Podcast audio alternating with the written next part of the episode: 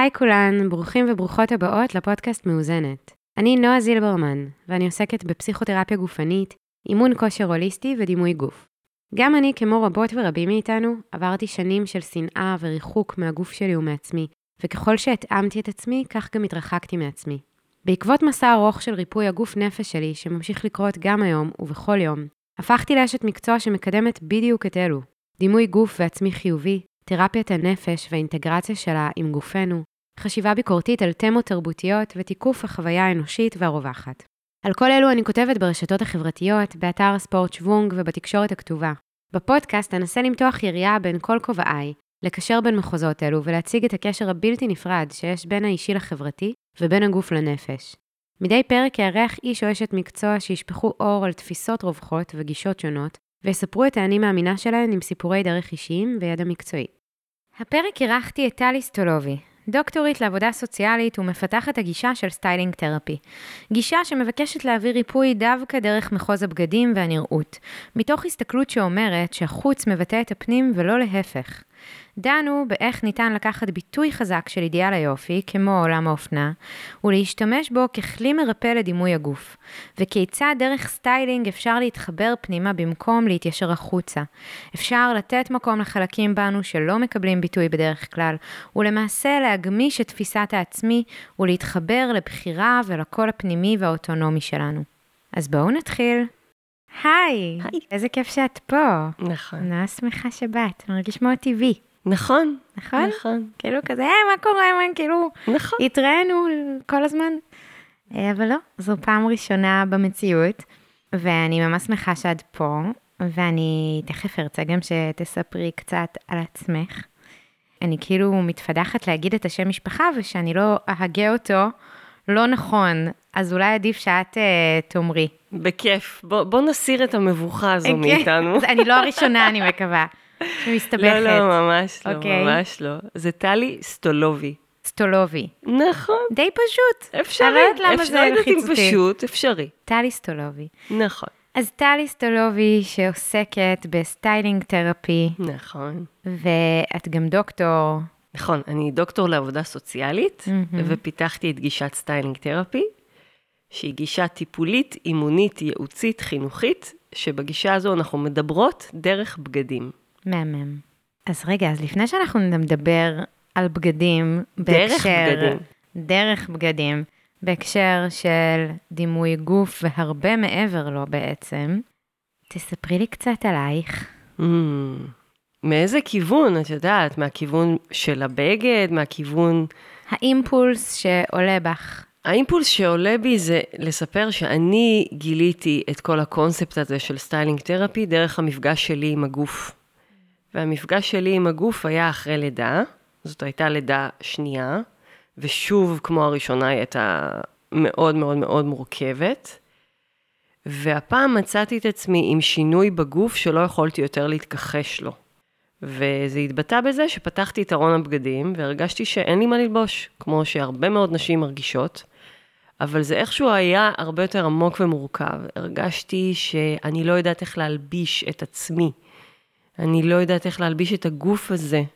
ושם התחיל המסע שלי, שהסתבר שהיו לו עומקים אה, אדירים בשבילי, והוא לקח אותי לכיוון אחר לגמרי, אבל uh, בסופו של דבר המפגש שלי עם הבגד זה מפגש של הגוף. וואו, גם ממש נשארתי עם המשפט של אה, אני לא יודעת איך להלביש את הגוף הזה. מהמם. הריחוק מהגוף, ממש איזשהו משהו לראות אותו כמו איזה עול, הוא לא שלי ממש. בכלל, הוא... שגם באמת הרבה נשים אחרי לידה מדברות על, ה...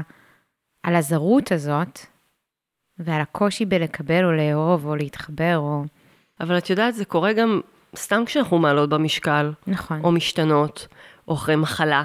זה קורה גם באופן קונסיסטנטי להרבה נשים כמשהו שהוא built in בתוך התפיסת העצמי שלהן. נכון, את יודעת, פעם ראשונה שנתקלתי במונח שאמרת עכשיו, שנאת הגוף, הייתי קצת בשוק מהעניין הזה. קראתי את זה אצל סוזי אורבך, שהיא פסיכואנליטיקאית, צרפתייה שאני מאוד אוהבת, והיא כתבה על זה שהרבה מאוד נשים בחברה המערבית, יש להן שנאת גוף. הן שונאות את הגוף שלהן, ואז הן באות לטיפול, והמטפלים, המטפלות, מדברים איתם על דברים כאילו אחרים, כאשר מתחת לכל הדבר הזה מסתתרת שנאה לגוף. עד כדי כך. כן, והשנאת גוף הזו, זה גם מקום מאוד מעניין להתבוננות, כי באספקטים מסוימים בתוך עולם הפסיכולוגיה או הפסיכותרפיה, אפשר uh, לחשוב, לא שזה טעות, שזה ביטוי ל, לכל מיני דברים נוספים ועמוקים יותר, או שונים, שזה איזשהו תיעול של התודעה להתעסק במשהו כפייתי אחר, כזה או אחר, בשביל להתעלם או לשכוח מדברים אחרים, או כדי למצוא שליטה, או כדי למצוא גבולות, או כדי למצוא כל מיני, או יש אינסוף סיבות. אבל אני חושבת שמה שהרבה בעולם בריאות הנפש לא מתייחסים ומתייחסות אליו מספיק, זה ההשפעה הממשית של התרבות ושל הסוציאליות הספציפית על תפיסות העצמי שלנו כפרטים. נכון. באופן ממש ישיר, ממש ממש ישיר, ולא מאוד מורכב מתוך איזה, את יודעת, אה, איזה שלא נדע לו עלינו אה, פגיעה מינית שמתועלת לכדי אה, הפרעת אכילה, אלא ממש במרכאות פשוט, כן? כאילו ממש פשוט, לא, פשוט גדלתי לחברה שמעודדת אותי לשנוא את הגוף שלי כי הוא זר וחריג ושונה ולא מקוטב עם האידיאל הצר, mm-hmm. וזהו. ו- וזה עמוק וזה מחלחל, וגם הבית היה שמנופובי ודיאטטי, והנה זה שם. אבל אני רגע רוצה לאסוף אותנו, ובא לי בכל זאת, בכל זאת, לחזור טיפה להתחלה, ובכל זאת שתציגי את עצמך גם כן מהאספקט המקצועי, קצת מעבר לזה שהדוקטורית לעבודה סוציאלית, ואיך הגישה החלה. את מוזמנת כמובן איזה מהחלקים שבא לך, אבל uh, בא לי רגע כן... Uh, לשמוע עליי? לשמוע עלייך קצת. אז אני יכולה להגיד לך שמאפיין הכי מרכזי שלי מבחינה מקצועית, זה שבאתי uh, מתחום בריאות הנפש. זאת אומרת שכעובדת סוציאלית התחלתי עם ילדים ונוער, אבל מהר מאוד מאוד התגלגלתי לתחום בריאות הנפש, ועבדתי בתוך מחלקה פסיכיאטרית ובתוך בית חולים פסיכיאטרי הרבה שנים. ועד היום זה חלק מהזהות המקצועית שלי. גם היום אני עובדת עם נפגעות טראומה מינית, ולמעשה הנפש היא מרתקת אותי וממגנטת אותי דווקא במופעים הכי קיצוניים שלה. אלה החלקים שככה מושכים אותי. אז גם היום, כשאני יותר עוסקת בצמיחה מתוך הטראומה, בדרך יצירתית, גם היום אני עדיין נמשכת למקומות האלה הטראומטיים, עם הכלי היצירתי החדש הזה שיצרתי, כדי לייצר שם איזה, איזה תנועה. וזה עדיין מרתק אותי יותר מכל דבר אחר. זה מרתק ממש מה שאת מתארת, על צמיחה מתוך טראומה, ועוד דרך styling, therapy. ממש, כן. אז אולי כן. רגע תספרי קצת על, ה, על השיטה הזו שהמצאת. אוקיי. בעצם טיפול. כן. דרך ביגוד. נכון. נכון. והאישה הראשונה שחוותה את הדבר הזה, אה, מבחינתי, זאת אני. Mm-hmm. זאת אומרת שכל הדבר הזה, אני, אני קוראת לזה גישה, זה בא מתוך חוויה אישית שלי, שהוציאה אותי למחקר, אבל הרבה לפני המחקר הזה הייתה חוויה, היה המפגש שלי עם הגוף, המפגש שלי עם הבגד. כן. וקלטתי מה קורה לי כשאני משנה בגדים. אז היה לי צורך שזיהיתי לעשות משהו שונה ואחר עם הבגדים שלי. ואז ניסיתי לפנות לאיזה אוטוריטה חיצונית, לסטייליסטית. מה זה משהו שונה ש... ואחר? הרגשתי שאין לי מה ללבוש. הרגשתי שהארון שלי לא משקף את מי שאני, את מי שאני רוצה להיות, את אורח החיים שלי, שיש בו חלקים שלי שהם כבר לא רלוונטיים, דימוי הגוף הקודם שלי. זה לא היה רלוונטי יותר, והייתה איזו השתוקקות מאוד מאוד גדולה להתלבש בצורה שתשקף את מי שאני ומי שאני רוצה להיות, את האישה שאני רוצה להיות. ולא ידעתי מה לעשות עם הדבר הזה, כי בתחושה שלי לא הייתה לי את היכולת בכלל. אגב, הסוציאליזציה שדיברת עליה קודם, מבחינתי לא ידעתי איך. איך הזמנתי... לשנות את הארון בצורה כזו, כן? שתרגישי בו בנוח נכון, בעצם. נכון, אז הזמנתי סטייליסטית הביתה. אני רק חייבת גם רגע לפתוח סוגריים ולומר ש... אני מרגישה שעצם ההסכמה להכיר בשינוי, ואמרת, בגדים שהם כבר לא חלק ממני, הם לא חלק שמאפיין אותי. בכלל, להסכים להשתנות גופנית ולא רק. הרבה מאוד נשים בכלל נתקעות בלופ השנאה עצמית, בזה שהן לא מה שהן היו. נכון. ומסרבות לרענן את המלתחה כי זה תהיה כאילו הגושפנקה האחרונה לזה, שהן לא יחזרו להיות מה שהן היו. נכון. וההיתקעות הזו, היא כשלעצמה, היא מוקד כואב בעצם, במקום to embrace את המקום החדש, את מי שאני, ובאמת להסכים לשים חלקים ממי שהייתי, בשמחה ובחיוך מאחור. כי זה לשחרר. נכון. ולשחרר זה נורא נורא קשה. זה לשחרר חלקים בעצמנו שאינם עוד. אה, חלקים נכון. שהשתנו. וכל בגד מחזיק את החלקים האלה. אם בגד מחזיק את תקופת הרווקות שלי, או בגד מחזיק את המשקל שהייתי בו, למי שמדברת וחושבת דרך משקל, אוקיי? או, או את דימוי הגוף שהיה לי, הטוב הזה שהיה לי לפני שהריתי וילדתי ועשיתי ניתוח קיסרי וכו' וכו' וכו'. זה לשחרר, זה לשחרר חלק מאוד משמעותי מתוכי.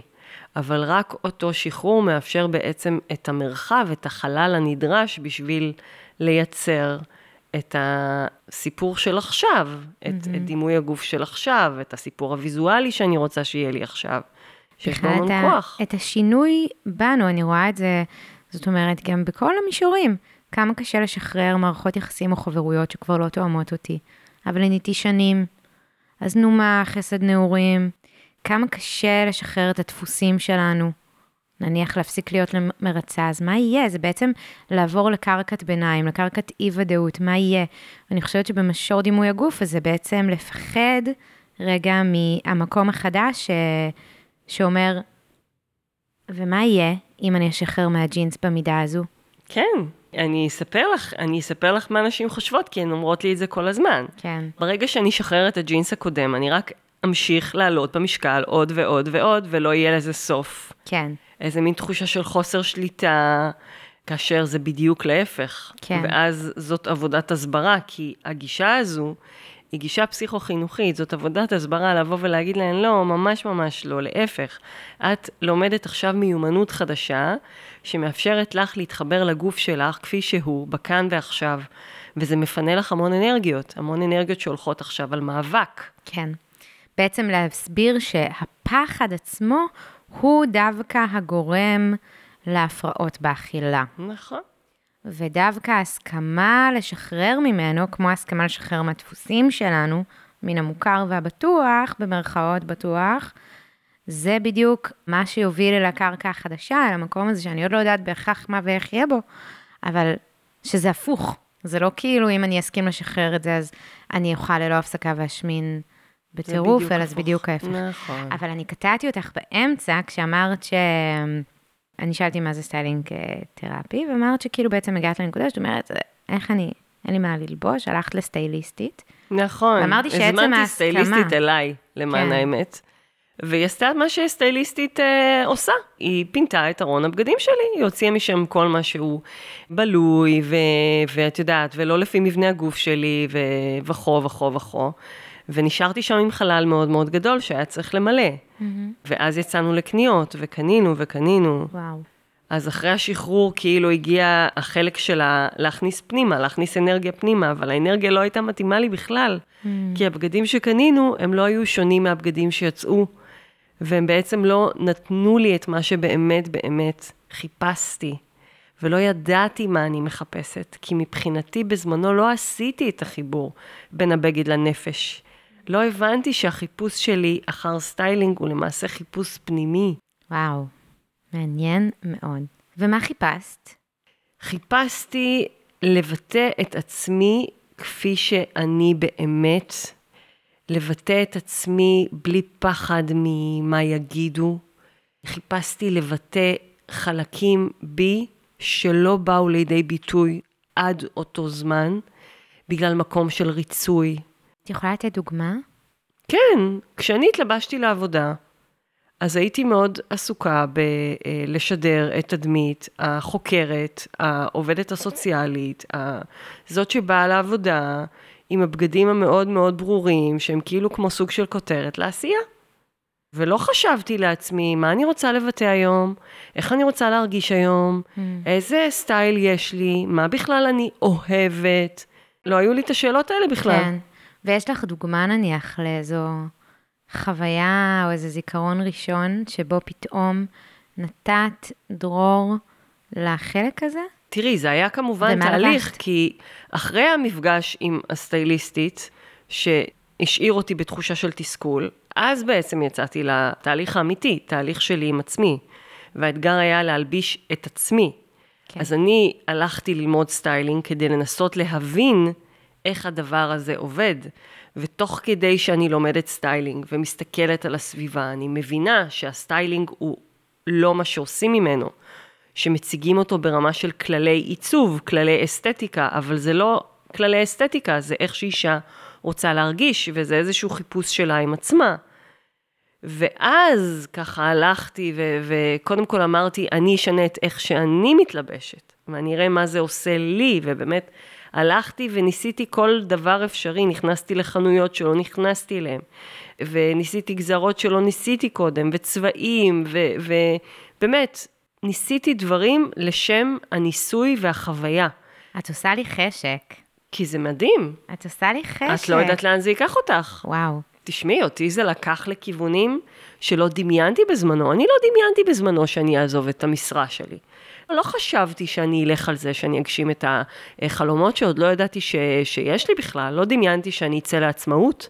הייתי שכירה כל הזמן, לא, זה, לא היה לי את האומץ הזה. הבגדים שלי נתנו לי את האומץ. ברגע שהייתי נאמנה לעצמי דרך הבגדים, וגיבשתי לי איזושהי אמירה אישית, והייתה לי קשיבות מאוד גדולה לצרכים הרגשיים שלי דרך הבגדים, ובאתי לידי ביטוי בצורה כזו, זה פתח לי שערים עם עצמי, שהם אדירים, והם הובילו אותי למקומות חדשים. את יכולה לספר קצת על הקשיבות הזו? שאת משתמשת בבגדים ככלי להיות בקשב פנימה. כן, מאוד. אני יכולה להגיד את אני עושה את זה כל הזמן, כל יום. אני קודם כל שואלת את עצמי איך אני רוצה להרגיש כשאני מתלבשת. Mm. איזה תשובות עולות?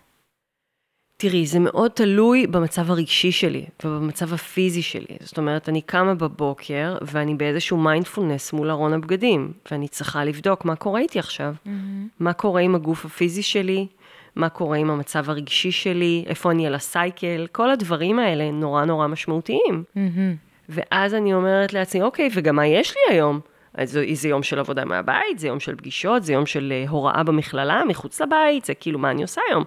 ואז אני עושה איזה מין אינטגרציה כזו, שעוזרת לי לבחור בגד שעונה על כל הצרכים, אבל הצורך המרכזי זה איך אני צריכה להרגיש.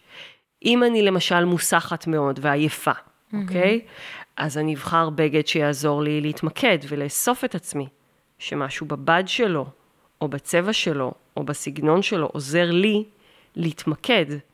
אוקיי? זו דוגמה אחת. בגד שעוזר לך להתמקד, אז למשל בד שמה? שהחישה שלו תהיה... בגד שיעזור לי להתמקד במקרה הספציפי שלי, זה יהיה בגד מבד קצת יותר יציב. משהו טיפה ליותר פורמלי, פחות נוזלי. הבנתי. זה ככה כשאני, כשאני מוסחת, ו... זאת אומרת, איך אני מרגישה וגם מה הצורך.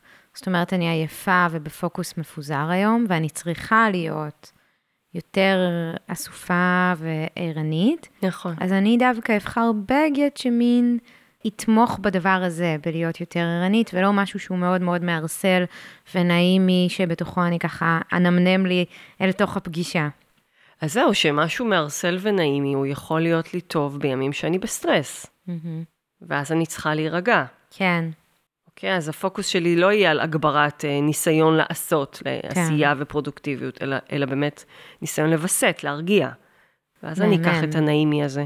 טוב, אז ככה, יש לי שתי שאלות uh, מרכזיות, שאולי מתוכן uh, נראה לאן נפתח, וגם איך, איך נכתב ביניהן. שאלה אחת, באמת uh, להמשיך להבין אז איך זה עובד, סטיילינג טיפולי, כשמגיעה אלייך למשל לקוחה.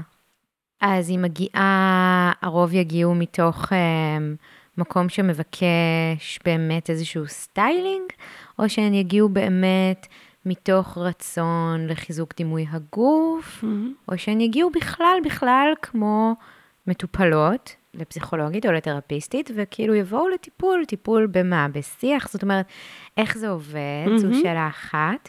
הדבר השני שמאוד מסקרן אותי, שגם דיברנו עליו ככה לפני שקובי פתח לנו את המיקרופונים, זה שזה, אני אוהבת לקחת תכתיבים חברתיים ולהפוך אותם אני אוהבת, וזה בדיוק מה שנעשה כאן. כי בעצם, אני אמרתי לכם קודם שזה איזה כיף לקחת משהו כמו בגד, שבגדים הם ביטוי מאוד מאוד חזק לתעשיית היופי ולתרבות הדיאטה. ורוב אנשים יחוו סביב קניית בגדים ממש איזו חרדה, או טראומה או הימנעות, וגם ככה אין את המידות, וגם ככה עד שיש מידה אז היא צפופה, וזה לא בגזרה, ואתה מדידה, והאור וחם לי וזה, ובאמת, סיוט, אני שונאת, אני גם, אני ספציפית שונאת לקנות בגדים. נשים בצד את האלמנט האקולוגי שאני קונה כבר רק יד שנייה המון זמן, שזה כבר חוויית קנייה נעימה יותר מאשר קניונים וכאלו, עבורי לפחות. אז באמת גם החוויה הנוספת של לא רק בדימוי הגוף, אלא מי שיש לה, אפרופו שימוש בבגד לוויסות או לצורך אה, גופני, אני, יש לי ויסות חושי רגיש. לבוא לחנויות המוניות mm-hmm, עם הפלורסנטים והמוזיקה החזקה והבושם החזק שיש שם במרחב, שעושה לי כאב ראש, וה... oh my God, oh אני רק חושבת על זה, נכון. ויש לי צ'אפלק, בטריפוליטאית, זו מילה שאומרת כאילו מחנק. סבתא שלי אומרת את זה על כל דבר אה, קשוח, אז זה כאילו פשוט... אז לקחת את המקום הזה של השפיץ של התעשייה ושל הדיכוי דרך אידיאל היופי והמשטור והסבל, ולהפוך אותו לכלי מרפא. נכון. ואת אמרת מקודם שזה ממש האור השני שלנו. זה מקום ממש מורכב בשבילי, נועה, ממש, ממש. זה לבוא וכאילו לצעוק אה, כל הזמן, המלך הוא עירום. כי אנחנו חיות בחברה שמאדירה סטיילינג, יופי, נראות, mm. ואנשים שבאים ואומרים לך, לי, לכולנו, איך אנחנו צריכות להיראות ולהיות. ויש כאילו איזה מין השתוקקות לזה, שיבואו ויגידו לנו מה הכללים הנכונים כדי למגר את הבושה ואת הביקורת, וכאילו כולנו נהיה פיקס, ו- ואת יודעת, כדי להיות שייכות בעצם, לקבל את הסטמפה הזו. שייכות, אהובות, מקובלות, ראויות. כן. ופתאום אני באה ואומרת, לא, לא, לא, אף אחת לא תלביש אותך. ואף אחת לא תגיד לך מה הכללים. את תלבישי אותך, ואת תגבשי לך כללים, ואם תרצי, חודש הבא הכללים שלך ישתנו, כי את קובעת את הכללים. אז נשים כאילו מסתכלות עליי ואומר, ואומרות לי, מה זאת אומרת? מה זאת אומרת אה, להלביש את עצמי? תגידי לי את. זה יפה או לא? זה טוב או לא? תגידי לי את, תגידי לי את. Mm. וברגע שאני לא אומרת, ואני מחזירה שאלות אל השואלת, אז uh, uh, את יודעת, זה אף פעם לא יהיה משהו uh, סנסציוני, זה תמיד יעורר שאלות. וזה מרחב שצריך להיות בו מאוד אמיצה. כי הוא לא, הוא לא הכי מקובל, והוא לא פשוט, לא פשוט לי להיות שם. הרבה פעמים. למה לא פשוט לך להיות שם? אני אתן לך דוגמה, אני מצאתי את עצמי בטלוויזיה, בתוכנית בוקר, יושבת מול סטייליסט, שזה מה שהוא עושה. שהוא כוכב ויראלי עם עשרות אלפי עוקבות, ואני יושבת ואני מנסה להסביר שזה ביוש גוף. להגיד לאישה, לתת לה ציון על איך שהיא נראית. נכון. ולהגיד לה מה ללבוש, זה ביוש, זה, זה, זה ביוש, מבייש. זה משטור, וזו החפצה. גם. אוקיי, אז את יודעת, אז אני יושבת שם, כן. ואני מנסה להגיד את הדברים האלה. הכי טוב שאני יכולה להגיד אותם, mm-hmm. אוקיי? גם מתוך החוויה האישית שלי, גם מתוך החוויה המקצועית שלי. אבל זה לא פשוט, כי בסופו של דבר, בבוטם ליין, מה שאנשים ונשים מבקשות הרבה פעמים לשמוע זה את השורה התחתונה הזו, את האמירה הנחרצת הזו של כן, הציון שלך הוא שבע, ותחליפי מכנסיים. את מבינה? כן. אז, אז, אז זה לא פשוט לי להיות במקום הזה. אבל אני מתעקשת על השאלה עוד הפעם, לא פשוט לך להיות במקום שמה? ש... שיוצא כנגד הקול הקונפורמיסטי, הזרם המרכזי. שיוצא כנגד הרצון האנושי mm. לדעת ולקבל תשובות מהירות, חותכות וברורות. וזאת החברה שבה אנחנו חיות, ואני באה כן. פה עם משהו אחר, אחר. הכלי הוא אחר. זה כלי של חקר מעמיק דרך הנראות. וזה כאילו אוקסימורון. זה לבוא לאנשים ולהגיד להם, לא, הלבוש שלכם הוא לא תוצר של, אלא הוא, הוא, הוא הקטליזטור, להתחיל איזה מסע ולהשתנות דרכו. וזה מצריך סובלנות, וזה מצריך חמלה. זה מצריך גם איזשהו עוגן פנימי, אני מרגישה. אני גם שומעת אותך מדברת, ואני אומרת, זה התרפי, בעצם. כי יש בתוך היותנו יונקים, יונקות, אנחנו חיה של להקה, של שבטיות. וזה באמת חלק ממש מההתפתחות הפיזיולוגית שלנו, התקשרות.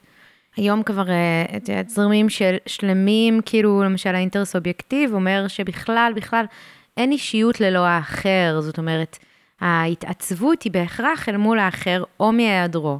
כך או כך זה בתוך רלוונטיות ושייכות החוצה. עכשיו, הדבר הזה הוא נכון, לרצות בשייכות ולתקף את הערך שלנו במידת מה בחוץ, זה בסדר, אבל נהיה כבר איזשהו נטייה באמת בחברה שלנו, מאוד מאוד חזקה לפוקוס החוצה, ברמה שהיא לא מאוזנת. והדבר הזה קורה מכל מיני סיבות, והוא גם סובייקטיבי, ויש אנשים שדווקא יהיה להם עוגן פנימי לנאמנות לעצמי חזק יותר, בגלל שאולי הם גדלו בבית מיטיב יותר, שאפשר להם להיות בסנטר שלהם וכל הדבר הזה. אבל אנחנו כחברה, במיוחד החברה המערבית, באמת יש המון המון פוקוס החוצה, בגלל שהרבה מן הערך שלנו, ואז גם הזכויות, נאמר במרכאות, שנקבל או שלא נקבל בחברה, בין אם זה בתעסוקה, או בזיווג, או בחברויות נניח, יימדדו לפי עד כמה אנחנו מיושרות, או לא מיושרות, למסכה החברתית הנדרשת. כשנגזרת כבדה וגדולה בתוכה, זה הנראות, זה אידיאל היופי, זה הבגדים, בטח כנשים. ואת אומרת, ואז אני אחזיר רגע למקום באמת של הסטיילינג, אבל אולי רגע אני אעשה עוד איזה עצירה, אז אני רק אגיד שאני פוגשת הרבה בתוך הקליניקה את הדבר הזה, זאת אומרת איזושהי חרדה כוללנית, כי מה יגידו, כי מה יחשבו, וזה בא בכל מיני מישורים, בכל מיני ערוצים, ממש לא רק במישור הנראותי. ובעצם הדרך לרפא זה שנייה להחזיר פוקוס פנימה. זה שנייה לסובב את הזרקור אליי, זה לחפש רגע, ומה אני נכון. רוצה, ומה אני חושבת, ואיך אני מרגישה. אני כל הזמן אומרת את זה. ואז את עושה את זה עם הבגד. נכון, במקום לחשוב נפלא. מה יגידו, תחשבי מה אני רוצה להגיד. מדהים. מה מדהים. אני רוצה להגיד דרך הבגד, לא מה אני רוצה שיגידו עליי. Mm-hmm. הסביבה תמיד שם, כן. היא תמיד שם, אבל איפה אני? מה אני רוצה? איך אני יכולה לבטא את עצמי? זה התרפי. זה התרפי בתוך הסטיילינג, אחרת זה פשוט סטיילינג. כן. אם זה לנסות לעצב את עצמי הכי יפה שאני יכולה להיות, שאני יכולה להציג את עצמי לסביבה, זה לא תרפי. גם מה זה יפה? זה גם, שוב פעם, מרגיש לי כמו המין, העולם המדומיין הזה, שהחברה שלנו יוצרת, שיש גם כל מיני חברות, כן? אז בחברה החרדית העולם המדומיין יהיה X, ובמערבית Y, וגם בתוך המערבית יש כל מיני, בטח, את יודעת, אז יש אותי וחברות שלי שהן יותר היפיות, ויש בטח נשים שיותר uh, משויכות לאיזה, לא יודעת, בכל הכוח תרבות הדיאטה וזה, אז שם יש עולם מדומיין אחר. זאת אומרת, גם מה זה בכלל האישור החיצוני הזה, שהגה אותו מי? ומה יקרה אם אני אסכים, וזה האומץ, אני חושבת, מה יקרה אם אני אסכים רגע לעזוב אותו ולהיות פה? אני רגע רוצה לשאול אותך, איך נראה בעצם תהליך טיפולי? אז תראי, התשובה היא מורכבת. אני אגיד לך למה היא מורכבת. כי הגישה, ככה כמו שאני רואה אותה, היא טיפולית, אימונית, ייעוצית, חינוכית. זאת אומרת, שסטיילינג תרפי זאת גישה שאפשר ליישם אותה במגוון מאוד גדול של מסגרות, קהלים, אופנים, זאת שפה. אז אם אנחנו לוקחות את זה לתוך הקליניקה, ואז ככה עושה את זה אשת טיפול, אז אנחנו מדברות בתוך הטיפול דרך שפת הבגד. ואם אנחנו... תרחיבי על זה קצת. להרחיב על זה. אם בא לך, אם אפשר. אני אגיד לך כזה דבר. כשבאה אליי אישה, אז אני בודקת קודם כל מה הקושי שלה, סביב מה היא רוצה לעבוד. ואז אני מנסה להבין איך הבגד פוגש ומבטא את הקושי הזה, ואיך דרך הבגד אני יכולה לאבד, בעין כמובן, את הקושי הזה, ו- ולהגמיש אותו, להרחיב אותו. את יכולה לתת דוגמה? כאילו זה נורא מסקרן. ככה להמחיש למאזינות קצת מה זה אומר. הדוגמה שאני הכי יכולה לתת לך זה של אה, עבודה עם טראומה מינית, אוקיי? ז, זו הדוגמה אה, ככה שבימים אלה, הדוגמה, אוקיי, שאני עוסקת. כאשר הבגד בעצם מבטא את הסיפור הטראומטי, את מי אני, תחושות של בושה כלפי הגוף, mm. תחושות של אשמה, איך הטראומה צבעה את בחירות הלבוש, מה אני מרשה לעצמי ללבוש ומה לא. שמא יגידו עליי שאני אשמה. Mm, אז רגע, אם רק ככה להבין שהבנתי, ושאולי גם יבינו, למשל, הבגד מסמל את ה... או מבטא את הטראומה, למשל, אני לובשת, נכו, מישהי שעברה טראומה מינית, לובשת רק בגדים מאוד מסתירים, מאוד גדולים, מאוד רחבים, כדי ששמא לא יגידו שהיא אשמה, כדי... למשל. להגן, כדי לשמור כזה. למשל. ואז נניח, אוקיי, אז באמת הבגד הוא ביטוי לטראומה. הבגד הוא תמיד ביטוי לטראומה, מהניסיון שלי. הוא תמיד ביטוי לטראומה, כי הטראומה בעצם הרי שוברת את הזהות. ויש איזה ניסיון להבין מי אני. אם אני לא הטראומה, אז מי אני? ואז הבגד מסמל את כל המחשבות, העכבות, הפחדים, המצוקות, וגם הסימפטומים. ודרך הבגד אפשר בעצם לפגוש את הסיפור ולנסות להרחיב אותו, להגמיש אותו. אמ, ואם אני אהיה רגע קונקרטית, להכניס עוד צבעים, להכניס עוד גזרות, לנסות משהו קטן שלא ניסיתי בעבר ולראות איך זה מרגיש לי, האם אני מוכנה לדבר הזה. Mm. ואז בעצם יש מפגש עם החוויה הרגשית, כי אני פתאום, אם אני שמה בגד אחר, שהוא פתאום לא משרת את הנרטיב הטראומטי, את הדפוס, את הפחד, את ההגנה נניח, mm-hmm. אז פתאום אני פוגשת. עוד חלק, עוד נכון, חלק. עוד חלק שבי, שפחות בא לידי ביטוי קודם. ואני מוכנה לראות אותו, להכיר בו, לבדוק איך זה. או שאני פוגשת גם את הפחדים שלי פתאום בצורה מאוד עוצמתית, כי מאוד. אני מנסה משהו אחר, ופתאום אין לי את השריון הזה שהיה קודם, נניח. נכון. תראי, בגד זה דבר וירטואוזי, אפשר לעשות איתו המון המון דברים. באמת, אפשר לעבוד איתו על המון המון סוגיות, כי אנחנו מתלבשות ומתלבשים כל יום, כל החיים שלנו. מרגע לידתנו ועד יומנו האחרון. ולכן בעיניי הבגד הוא סימבול מאוד מאוד חזק לסיפור החיים שלנו ולמצב הרגשי שלנו. והוא כלי מיידי, מכיוון שאנחנו מתלבשות כל יום, הוא כלי מיידי לעבוד על הדברים האלה, ואפשר לעבוד דרכו על כל דבר. Hmm. כל דבר. את יודעת, אני, אני אביא פה משהו מעולמי האישי. אני עובדת uh, רק מהבית, בעצם. אז uh, פרט ללפגוש חברים משפחה בסופי שבוע, או יום בשבוע ללכת ללימודים, אני בבית. ואני גם עובדת, uh, את יודעת, uh, הרבה בזום, אגב, אז בכלל. גם אני. הרבה בזום, הרבה אני. כתיבה ויצירת תוכן על המחשב, אני ועצמי. ומקבלת גם קלינטורה פיזית, אבל את יודעת, זה בבית, בקליניקה, בסטודיו הביתי, בגדים נוחים, לא עכשיו איזה משהו. ואני מוצאת שכמו שאני עכשיו מולך, ממש ככה, אני לרוב באיזה טרנינג, לא ממש, כאילו, ובחורף בכלל, זה, זה, זה איזושהי רמה של רק שיהיה לי נעים וחם, אז אני פשוט עם טרנינג ומלא שכבות, ואני כאילו קצת באיזשהו מקום זונחת את הניסיון או המאמץ להרגיש יפה, שזה עוד נדבך שלם בתוך ההתבוננות שלי על דימוי גוף ודימוי נראותי. בכלל, מתבוננת כבר, כאילו בשנה האחרונה אני מאוד מתבוננת על המקום ש... למה אני בכלל חייבת לנסות להרגיש יפה, למה בכלל, את יודעת, לפעמים יש לי את המשאבים להשקיע בזה, לפעמים לא. Mm-hmm. אז בסדר, כאילו. אבל זה דברים נפרדים. זהו, רגע. לכולנו אבל... יש לפעמים משאבים ולפעמים לא, וזה ממש ממש בסדר, אבל אני לא נגד יופי. אני סקרנית, פשוט, השאלה שלי בעצם, אני, אני מגיעה אליה, זה כאילו, אני אפילו יודעת מה, אני עוד לא מצליחה לגבש את השאלה שלי עד הסוף. אני יכולה לשאול אותך משהו? כן. תיארת לי עכשיו איך שאת מתלבשת. כן. זה עונה לך יום. על הצורך? זה עונה לי על הצורך. אני מרגישה שיש פה בעצם שני דברים. מצד אחד זה עונה לי על הצורך, וזה אפילו מקוטב עם האג'נדה המוסרית שלי במידת מה. המקום הזה ש, שמבקש להניח קצת את העיסוק ולשים יותר פוקוס ואנרגיה על דברים אחרים שחשובים לי יותר. וזה בסדר.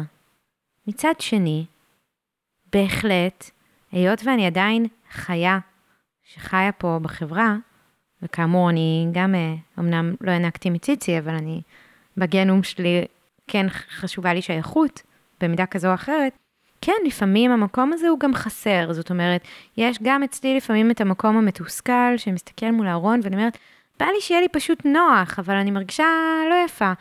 אבל אין לי כוח להתאמץ להרגיש יפה. אבל טוב, בסדר, מין איזשהו מעגל שכזה.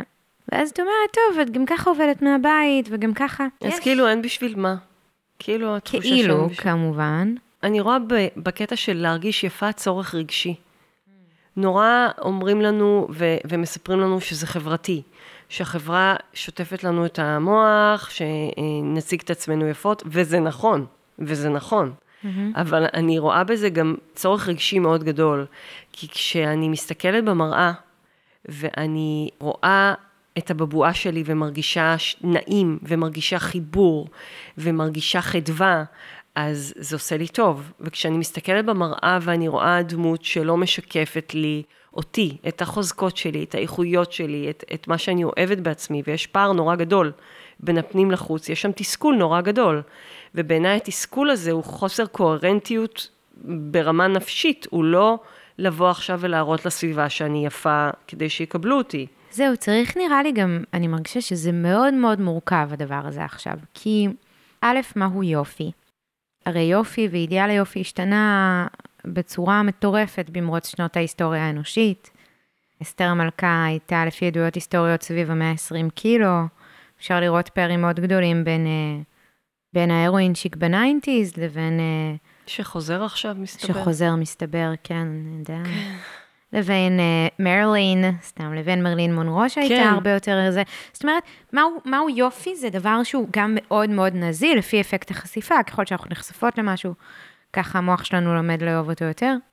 אז זה אחד, ודבר נוסף שעולה לי לגבי שאני ארגיש הלימה, כאילו בין הבפנים שלי לבחוץ שלי, כאילו, תוך כדי שאמרת, זה, זה בסדר גמור לרצות להרגיש יפה, אני אומרת, נכון, כי לזה חיוותו אותנו, שאני, שזה ערך גבוה, אבל, אבל האם גם לגבר, נניח עולה לי השאלה, האם גם גבר ירגיש את אותו הצורך למין להרגיש באותה עוצמה? אנחנו יודעות שלא. אז אני אומרת, זה גם ברור. איזשהו סימן, כאילו, יש בי ברור. איזה קול שרוצה קצת למרוד בדבר הזה, את מבינה? כאילו ברור. מין, אבל אני אגיד לך משהו, מהסיפור שסיפרת לי עכשיו, אני מזהה איזה צורך שלך שהוא לא נענה, mm, אוקיי? אוקיי. אולי זה צורך למשחקיות. אולי זה צורך ביצירתיות. כן, אולי זה צורך בחיבור פנימי מסוג אחר. אוקיי? זה לאו דווקא אותי? הצורך, כי זה לאו דווקא הצורך להיראות עכשיו וואו בשביל מי שבא אליי לקליניקה, או whatever, זה לא זה. מהמם. זה לא זה. זה הרצון להתחבר אליי באופן הזה. בגלל זה כשאני מדברת על להיות יפה, אז אני מדברת על להיות יפה בעיניי, אוקיי? לא להיות יפה בעיני אנשים אחרים. לכן אידיאל היופי, אני שמה אותו רגע בצד, אני כמובן לא מתכחשת לו, הוא שם לגמרי, מסתכל עלינו, אבל מה גורם לי להרגיש יפה? כשאני מסתכלת על עצמי, מה גורם לי להרגיש יפה בעיניי? ואיך אפשר לעשות את ההפרדה הזו? בעצם איך את מקדמת אצלך בקליניקה את ההפרדה בין מה יפה בעיניי לבין מה יפה חברתית, כי רעיונות חברתיים הוטמעו בנו, מעולה. ואנחנו מזהות איתם. מעולה, אז אני אתן לך תרגיל אחד בסיסי ש... שאיתו אני מתחילה, יאללה, אוקיי? כן. לאתר בארון את הבגד שאנחנו הכי הכי מחוברות אליו, כן, יש לי כבר אחד בראש. והבגד שאנחנו הכי פחות מחוברות אליו. יואו. אוקיי, עולה לי איזה חצאית מיני נניח, אוקיי. יש. עכשיו, הבגד שאת הכי מחוברת אליו, כן. כשאת לובשת אותו, מהמם. איך את מרגישה? משהו שנע בין מוכר, יפה, נוח, לבין משעמם, חדגוני ולא יפה. וואו, מורכב. זאת אומרת אני. שלמרות שהבגד הוא אהוב עלייך, הוא מעלה גם אסוציאציות פחות נעימות. כן, אוקיי. אני חושבת שזה נע ונד גם לפי תקופות. נניח בתקופות בהן דימוי הגוף שלי הוא פחות אה, טוב, אז, אה, או נניח ראיתי פתאום תמונות ממסיבת רווקות של חברה ולבשתי את החולצה הזו, ואז אה, הסתכלתי על התמונות ואני, כאילו היה לי לא נעים לראות אותן, אני כמובן, את יודעת, אה, למודת ניסיון וכלים, מסתכלת, נושמת, מתקפת ערך ממקומות אחרים, מגמישה את התפיסת יופי שלי, לא, לא, לא, לא. אבל זה קיים, אני נותנת לזה מקום. אז פתאום אני חושבת על עצמי לובשת את החולצה הזו, ואז לתקופות או לרגעים אני אלבש אותה ואני ארגיש שזה, אני ארגיש יפה. Mm-hmm. אבל אז פתאום בערב אני אסתכל במראה ואני אגיד, וואי, ככה נראיתי כל היום? כאילו, mm-hmm. זה לפעמים ככה, לפעמים ככה, mm-hmm. זה לא ליניארי. כן. את מדברת על זה בעצם שדימוי הגוף צובע את הבחירה. Mm. הוא צובע את הראייה, את המבט. כן. שכשדימוי הגוף הוא חיובי יותר, אז המבט הוא חומל יותר ו- וחיובי יותר, וכשדימוי הגוף הוא שלילי יותר, אז המבט בהתאם. כן, בטח. כן, לגמרי.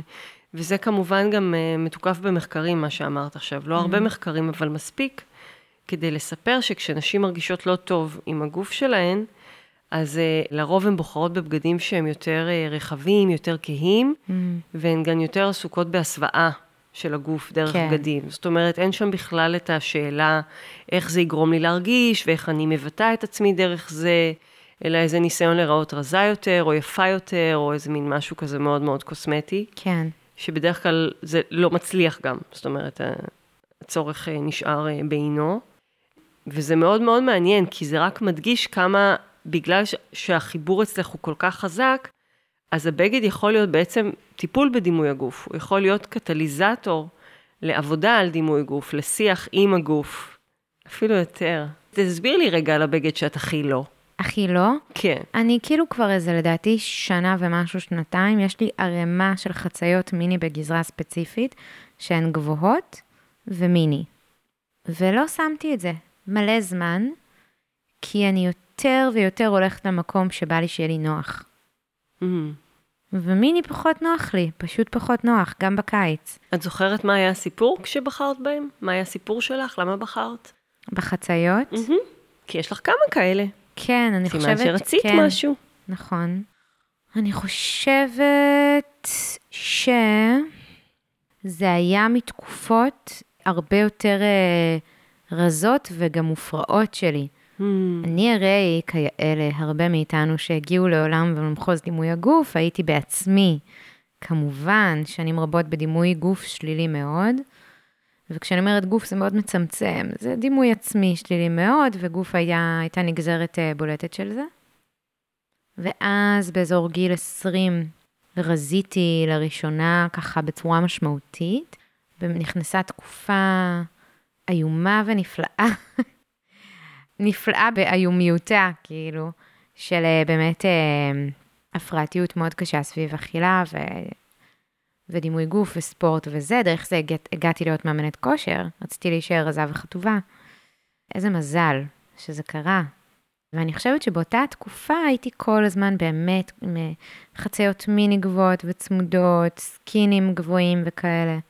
מאז אז אה, מסרתי המון בגדים, כי אני גם לא באותן מידות, אבל נשאר קצת הפאטרן הזה שלפעמים הוא גם בא לי בטוב, לפעמים, אבל פתאום בשנה וחצי האחרונות, באמת, ככל שאני יותר ויותר עובדת מהבית, ואני לא מסוגלת יותר לשאת בגדים שהם לא נוחים לי, שאני לא יכולה אחרי זה לשבת ישיבה מזרחית על הכיסא, כמו שאני עכשיו, mm-hmm. שאני אשב בקיץ על ספסל והטוסיק שלי ידבק לזה, או תעקוץ אותי נמלת אש, לא בא לי.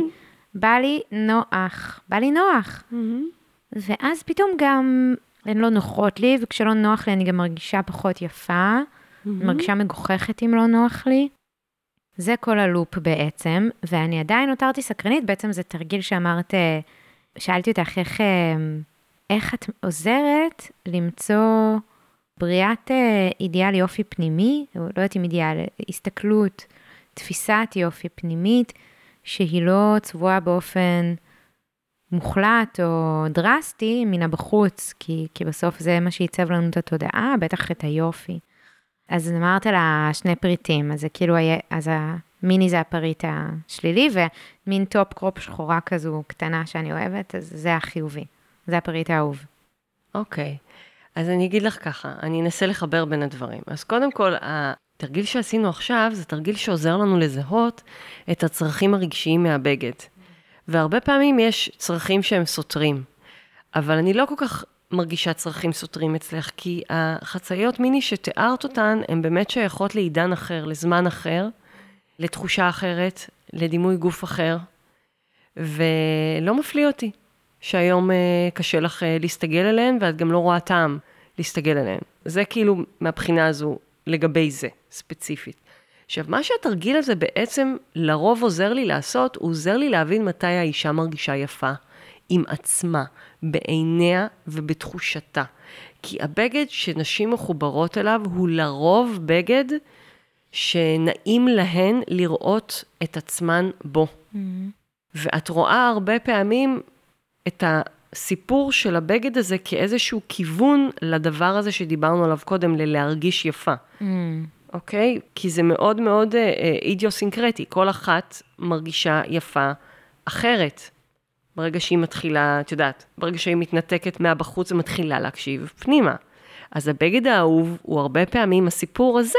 אבל זה לא ש... כאילו, לא לרוב הבגד האהוב, כאילו אמרת, בגד האהוב זה יהיה הבגד שבו אישה לרוב תרגיש הכי יפה.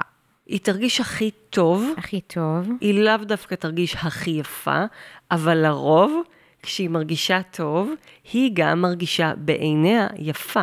כי אני תוהה אם זה לא נשים הכי אוהבו את הבגד, שבו ירגישו הכי טוב אל מול אה, להיות אה, רזה. נניח, אה, או שהוא יסתיר אותי, mm-hmm. אם אני בדימוי שלילי, או שהוא ידגיש בצורה כזו או אחרת חלקים רזים בי. כאילו, האם הבגד המועדף בארון של אישה הוא לא גם פועל יוצא של, של התכתיבים החיצוניים? זה, ו... זה מקום פחות טוב להיות בו.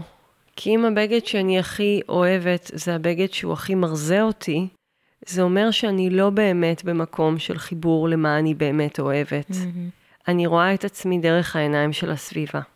כן. והמטרה שלי זה שאישה תלמד לראות את עצמה בעיניים שלה. וזה מה שקרה לי, דרך אגב. כשאני ככה התחלתי עם העשייה הזו, אז, אז אני למדתי לראות את עצמי בעיניים חומלות, במבט אחר, ולמדתי מה אני אוהבת ומה נותן לי להרגיש יפה, כשאני רוצה להרגיש יפה. זה מקום אחר. ואז איך באמת גיבשת בתוכך את המקום הזה? זאת אומרת, בעצם ממש לחזק איזשהו קול שכמעט נמחק אצל אנשים. נכון, זאת uh, קשיבות מאוד מאוד גדולה. קשיבות. למה אני באמת רוצה. זה מפגש חדש עם עצמי, כי כשאני מודדת בגד חדש, זה כמו הזדמנות לראות את עצמי בעיניים אחרות. וצריך להיות מוכנה לדבר הזה, כי אם אני באה עם אותו סיפור ואותה אג'נדה, שסטיילינג זה מאמץ, ואין לי כוח להשקיע, ובשביל מי זה, ובשביל מה זה, והפטריארכיה, וכל זה וזה וזה, אז כשאני באה למדוד את הבגדים, אני באה עם כל הסיפור הזה, אז אני באה עם אותם קולות, עם אותם קשיים, ואני מגיעה לאותם מקומות עם עצמי. אבל אם אני מוכנה להסתכל על בגדים מזווית שונה, חדשה, אחרת, ולהתחיל פיזית לנסות ולמדוד בגדים שהם אחרים ממה שאני רגילה, בחנויות שהן אחרות ממה שאני רגילה, ולהתחיל לשאול את עצמי שאלות על הבחירה הזו. אני יכולה להוביל את עצמי למקום אחר, לחוויה אחרת, דרך הבגד. ועם הבגד, כמובן. איזו חוויה קרתה לך שהייתה ככה וואו, אני כאילו... mind blowing כזה פתאום, שפתאום הייתה לך איזושהי חוויה ממש של תפיסת עצמי שונה פתאום, כזה, היי, וואו. זה לגמרי קרה לי. זה קרה לי כשאני ויתרתי על הג'ינס ועברתי לחצאיות. Hmm, בהמשך לשיחתנו. זה ממש היה, זה היה, זה היה זה. כי הג'ינס סימל את המאבק. הוא סימל את הבטן שהשתנתה אחרי לידה קיסרית, ואת זה שזהו, היא כאילו כבר לא חוזרת להיות מה שהיא הייתה קודם. את זה שהגוף שלי הוא לא כמו שאני רוצה שהוא יהיה, נקודה, ever, כאילו זה לא יהיה, זה לא יהיה ככה. Mm. ובמקום להיאבק עם עוד ג'ינס ועוד ג'ינס ועוד ג'ינס, לעבור לחצאית ושמלה ובכלל, זה משהו שהוא פשוט שחרר אותי לגמרי, כי לא הייתי עסוקה באותן שאלות. הייתי בזון אחר לגמרי עם בגדים. וכמה שנים אחר כך, כשחזרתי למכנסיים, זה היה ממקום אחר לגמרי, זה כבר לא היה באותו מבט ביקורתי ומצמצם, זה כבר היה אחר. ועכשיו אני יכולה לשתף שאחרי פציעה ברגל, אז אני רק עם נעליים מסוג מסוים, כבר, לא יודעת, שבעה, שמונה חודשים, אז אני המון עם מכנסיים בתקופה הזו, יחסית. וכל הדיאלוג שלי עם מכנסיים הוא, הוא, הוא השתנה והוא אחר, והם כבר לא עושים לי את הקווץ' הזה שהם היו עושים לי קודם. אז זה איזשהו אה, תהליך של הגמשה, של התפיסה. ממש. גם על בגדים וגם על הגוף. זאת אומרת, כאילו כבר אפשר לחזור אל אותו פריט, נניח... ממקום אחר. ממקום שונה, זאת אומרת, פתאום תפיסת המציאות... אבל דרך אגב, זה לא יהיה אותו פריט. זה נורא חשוב לי להגיד את זה. זה לא יהיה הג'ינס skinny, לא. צמוד. לא. זה לא יהיה זה. אותו פריט הכוונה, התכוונתי מכנסיים. בדיוק. זה יהיה מכנסיים בגרסה אחרת. ואת אומרת, וזה כבר לא מפעיל אותך באותו אופן. זאת אומרת, היה ממש, עשית איזושהי דרך מסוימת, זה גם איזה משהו חשוב להבין. כאילו, מתי ההתמודדות עם השדים, mm-hmm. יש לי מספיק קרקע פנימית, עוגן פנימי להתמודד איתם. ומתי עדיף, זה בסדר, שנייה, לא להתעקש. לא בכוח לפגוש עכשיו את כל ה... לפעמים צריך ככה להיות, עולה לי לומר, ארוחות למלחמה, כאילו מין, לא, לא הייתי רוצה, כדי שזה לא יהיה מלחמה, בדיוק כדי זה. זאת אומרת, מתי ההתעקשות לפגוש את המקומות הקשים שבנו היא מיטיבה, ומתי היא, היא מעיבה ולא מיטיבה? זה נורא תלוי בכוחות שלנו ובמטרה שלנו. וזה מחזיר אותי לשאלה שלך, שבעצם באיזשהו מקום שאלת אותי מה זה styling therapy. Mm-hmm. אז אם styling therapy הוא טיפול עומק, אז זה כן ללכת למקומות האלה שאמרת עכשיו, אבל זה יכול להיות גם סוג של אימון, אוקיי? ואז זה קצר יותר. Mm-hmm. ובכלל, אני רואה בזה טיפול אסטרטגי קצר מועד, ואז התהליך הוא קצר. במה את רואה טיפול אסטרטגי קצר מועד? הגישה הזו, גישת סטיילינג תרפי, mm. כפי שאני פיתחתי אותה, יש בה אה, הרבה מן הטיפול האסטרטגי קצר מועד. אוקיי. Okay. כי אנחנו בעצם מציבות לעצמנו אה, מטרה מסוימת. סוגיה שאותה אנחנו מאבדות דרך התהליך הזה. וזאת העבודה. עכשיו, תראי, לפעמים זה מעלה המון המון דברים אחרים, ואז אנחנו צוללות לתוך טיפול שהוא יותר ארוך. אבל לפעמים לא. ודרך אגב, אישה גם יכולה לגמרי לעשות את זה לעצמה, בנקודות בחיים שהיא צריכה את הכוח הזה של הבגד כדי להיפגש עם עצמה, כדי לעזור לעצמה, כדי לאסוף את עצמה, להרים את עצמה, להניע את עצמה. איך למשל? בדיוק כמו שאמרתי קודם, במקום של לראות איך אני מרגישה, איך אני צריכה להרגיש ומה יכול לעזור לי. Mm. אני יכולה לתת לך דוגמה, למשל, אם אני מתמודדת עם uh, תקופה של uh, דיכאון אחרי לידה, למשל, mm-hmm. או סתם תקופה של דכדוך, אוקיי? כן. אלה תקופות שבהן כולנו לרוב פחות מתעסקות בבגדים, פחות מתעניינות, ב... דווקא בנקודה הזו כן ללכת, כן לק... להוציא בגד מהארון, כן להתלבש, כן להתאפר, כן לעשות משהו עם המעטפת כדי לפגוש את עצמי בדרך אחרת, כדי לייצר חוויה אחרת.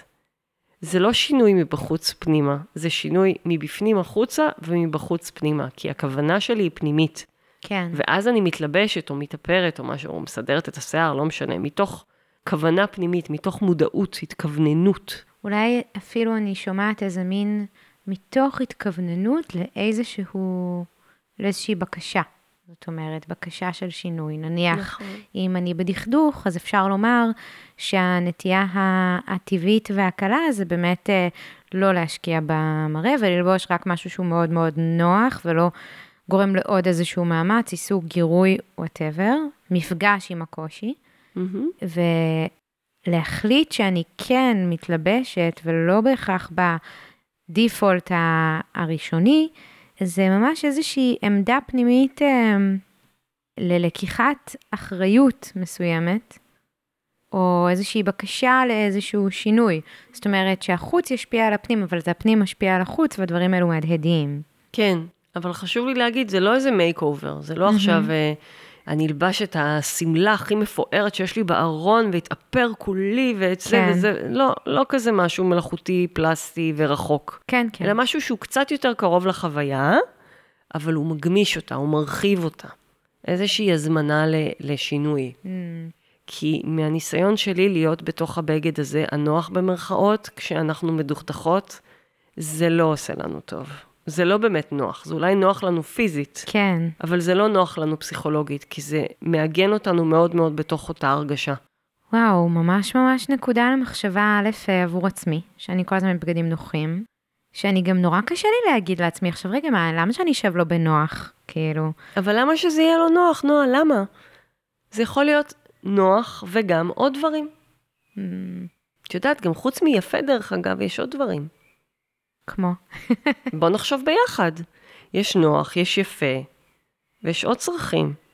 יש נוחות ויש מראה, זה עוד... אה, היה מקודם, את אמרת, שאת משתמשת בבגד גם, כמו שאמרת בבחירה, לעשות איזושהי אינטגרציה לצורך מה המטרה שלי, מה הרצון שלי. זה שוב פעם איזשהו מקום של פנים החוצה לפנים. אז אמרת גם שאת משתמשת בו ממש כמו ב- כאיזשהו עוגן בבגד, ברמה החישתית, זאת אומרת, הוא תומך כרגע במה שאני מבקשת יותר להרגיש או לקיים ביום-יום שלי, ביום הזה נניח. אז אני לגמרי מבינה שפה יש עוד איזשהו אלמנט, עוד נדבך למה הבגד משרת. את יודעת, כאילו אני, אני מוצאת שמתוך מה שאת אומרת, זה ממש כמו איזושהי עמדה טיפולית, שאם רגע נוציא אותה מעולם הלבוש והסטיילינג, זה, זה עמדה. כי זה בעצם, יש את המקום שיגיד, בואו נעשה מקום, בואו נעשה מיכל למה שאני מרגישה, ורגע נהיה עם זה, וניתן לזה, ואז אוקיי, אני בחופשת לידה, ואני בדיכאון אולי אפילו, והדימוי גוף שלי ברצפה, ואני, כרגע כל משאביי מגויסים לאיזה, למשהו אחר לגמרי, וזה בסדר, וניתן לזה להיות, ואת אומרת, רגע, אבל אם אני רוצה, תתקני אותי אם אני אומרת את זה לא נכון. מהמם. רגע, אבל, אבל אם יש בי בקשה להרגיש אחרת, אז אני צריכה לנקוט איזושהי עמדה, וזה לא בהכרח בהיבט של להיות יפה, בטח לא לפי אידיאל היופי התרבותי, אלא פשוט איזושהי עמדה ולא מה שנקרא הרפאיה טוטאלית לתוך המצב הזה שאני נמצאת בו.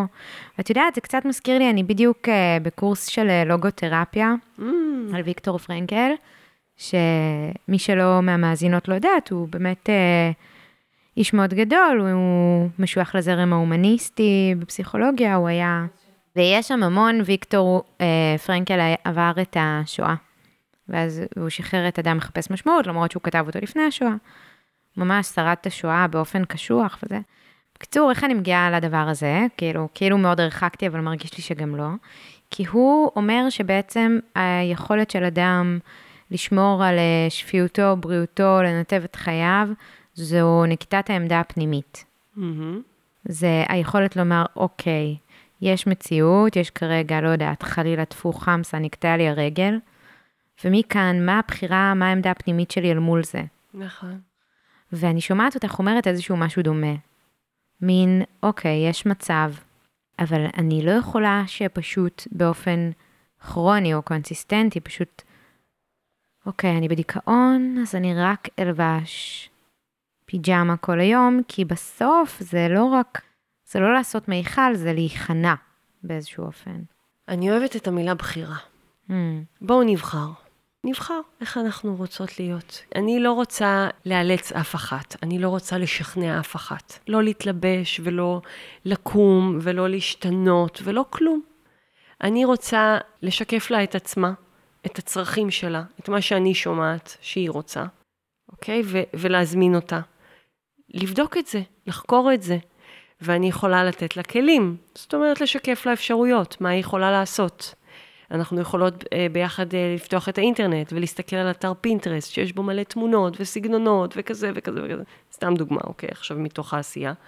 ולחשוב ולעבוד בצורה השלכתית, בואו נמצא את הבגד ש. הבגד שיספר סיפור אחר, הבגד שיהיה גם נוח וגם יפה, הבגד שיהיה איך אני רוצה לראות את עצמי, הבגד שיהיה איך אני רוצה שאחרים יראו אותי. זאת אומרת, ממש לעבוד, לעבוד עם הבחירה. זה אפילו מרגש אותי קצת שאת אומרת את זה, כי זה בעצם שילוב של להגמיש את התפיסה, להגמיש את התפיסה הרעיונית, שלי את עצמי, שלי את החיים, שלי את המצב, ומתוך המקום הזה גם לאפשר בחירה. כי בסופו של דבר, הדבר אולי הכי מהותי בתוך דיכאון נניח, זה קיבעון מחשבתי וזו תחושה שאני במבוי סתום ואין לי שום אפשרות. ומה שאת עושה, את דרך הבגד את פותחת אפשרויות. מהמם. ומחזקת את הבחירה מתוכן, שזה מהמם. טוב, תגידי לי אחרי זה כמה עולה session. זה עולם, זה עולם. לא, session שתעשי אני לי בקושי לעשות מטפלת סטיילינג. היום. אני בקושי מטפלת. אני מה, אז לא בעיקר, תעשי לי אני, באיזה סטיילינג אני קצת? אני מעבירה קורסים לנשות מקצוע שככה רוצות לעסוק בזה ועוסקות בזה, ואנחנו כבר קהילה ממש מהממת וגדולה של אה, נשים שעוסקות בזה. והאמת שאני יכולה לעשות פה ספוילר וכאילו לזרוק את התיק מעבר לגדר ולהגיד שאני מתכננת גם להתחיל אה, קורס סטיילינג תרפי אישי, שהוא לא הכשרה, אלא הוא באמת חוויה אישית, טעימה, כי זה עובד מדהים בקבוצה. כן, הגיע הזמן אה, לשחרר את הדבר הזה לעולם. יאללה. זאת אומרת שלא רק נשות מקצוע, אלא גם באמת אה, כל אישה תוכל לעבור תהליך עם הבגדים שלה. תהליך כזה תרפויטי ורגיש ועדין, שיאפשר לה להתלבש כמו באמת איך שהיא רוצה. נשמע מרתק, לגמרי מעניין, אולי אני אקח חלק מתישהו. מוזמנת. כן, אני חושבת שזה ממש איזשהו מקום אה, בחיים שלי שאני מין נוגעת, לא נוגעת בו עד הסוף.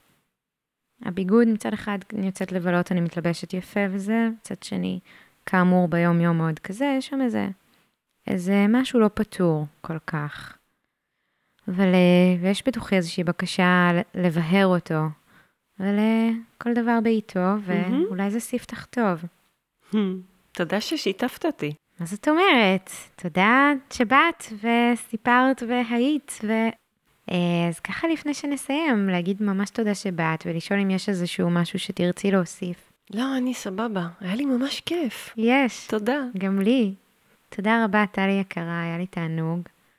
תודה שהייתן איתנו, ואם אהבתן את הפרק, מוזמנות לשתף אותו איפה ועם מי שנראה לכן שתתערם ממנו. למעקב אחריי ואחרי התכנים שלי באינסטגרם, אני נמצאת בנועה זילברמן 869, N-O-A-Z-I-L-B-E-R-M-A-N 869, ובפייסבוק בנועה זילברמן, מקף אמצעי, מאמנת כושר בודי פוזיטיבית. פרק יצא אחד לחודש, מוזמנים עוד לעקוב. נתראה בפרק הבא.